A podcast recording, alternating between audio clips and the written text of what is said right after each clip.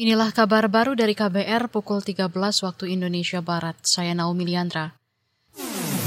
Kabar Pemilu. Kabar Pemilu.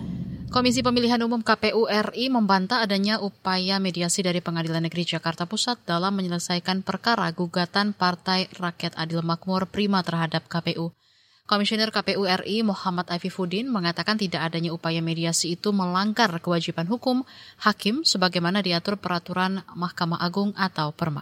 Dalam pasal 3 ayat 4 Perma 1 2016, dalam hal terjadi pelanggaran terhadap ketentuan sebagaimana dimaksud pada ayat 3, apabila diajukan upaya hukum maka pengadilan tingkat banding atau Mahkamah Agung dengan putusan setelah memerintahkan pengadilan tingkat pertama untuk melakukan proses mediasi. Komisioner KPU RI Muhammad Afifuddin menambahkan KPU juga telah menyampaikan surat permintaan penangguhan putusan perkara. Dia mengatakan putusan tersebut perlu ditangguhkan karena urusan pemilu tak bisa serta-merta ditunda, karena hal itu merupakan amanat konstitusi. Sebelumnya Pengadilan Negeri Jakarta Pusat memerintahkan Komisi Pemilihan Umum untuk memulai dari awal tahapan pemilu 2024 Perintah tersebut tertuang dalam putusan perdata yang diajukan Partai Prima dengan tergugat Komisi Pemilihan Umum. Putusan itu berimplikasi pada penundaan pemilu. Pimpinan DPR memastikan Komisi Bidang Hukum DPR bisa menggelar rapat dengan Menko Polhukam Mahfud MD hari Jumat ini. Sebelumnya rencana rapat membahas ratusan triliun transaksi mencurigakan yang diagendakan Senin lalu tertunda. Wakil Ketua DPR Sufmi Dasko Ahmad membantah penundaan tersebut karena adanya kepentingan politik. Jadi sebenarnya nggak ada isu, ini kan cuma mencocokkan waktu aja. Rapat dengan Menko Polukam e, rencananya Jumat karena e, terbentur dengan e, Rabu Kamis kita kan libur dan cuti bersama kan. Ya saya, saya belum tahu secara substansi mau dalami nanti biar komisi teknis yang akan e,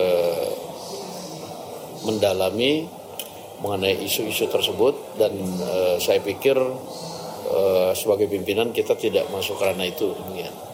Okay. Itu tadi Wakil Ketua DPR Sufmi Dasko Ahmad. Dalam konferensi pers Senin lalu, Menko Polhukam Mahfud MD mengatakan jumlah transaksi mencurigakan yang dilaporkan Pusat Pelaporan Analisa Transaksi Keuangan PPATK bertambah menjadi 349 triliun rupiah dari yang sebelumnya disebut 300 triliun rupiah. Mahfud mengatakan transaksi mencurigakan itu diduga merupakan tindak pidana pencucian uang atau TPPU yang terjadi di lingkungan Kementerian Keuangan maupun pihak lain. Saudara kalangan parlemen mendesak ditingkatkannya sistem pengendalian intern atau SPU untuk menjaga integritas para pejabat publik di kementerian dan lembaga negara. Anggota Komisi Bidang Keuangan DPR Anis Biarwati menyebut sistem pengendalian intern menjadi pendeteksi dini bila ada pejabat publik yang melakukan praktik-praktik menyimpang.